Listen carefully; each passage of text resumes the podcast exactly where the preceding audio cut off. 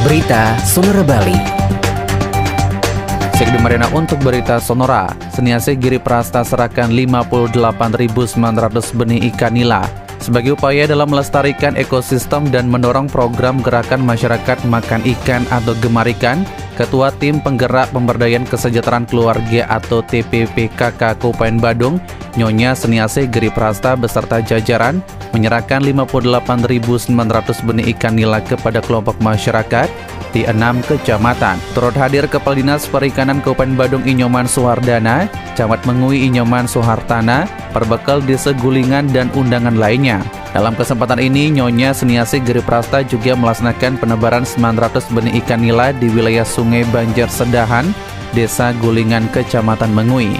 Ketua TPPKK Kabupaten Badung Nyonya Seniase Giri Prasta mengatakan kegiatan ini merupakan kerjasama TPPKK Badung dengan Dinas Perikanan Kabupaten Badung dalam rangka membantu kelompok masyarakat. Lebih lanjut disampaikan bahwa bibit ikan yang diserah terimakan sebanyak 58.900 benih ikan nila dan kegiatan ini bertujuan untuk menambah pendapatan keluarga dan menunjang ekonomi keluarga, apalagi di masa pandemi di masyarakat seperti sekarang ini.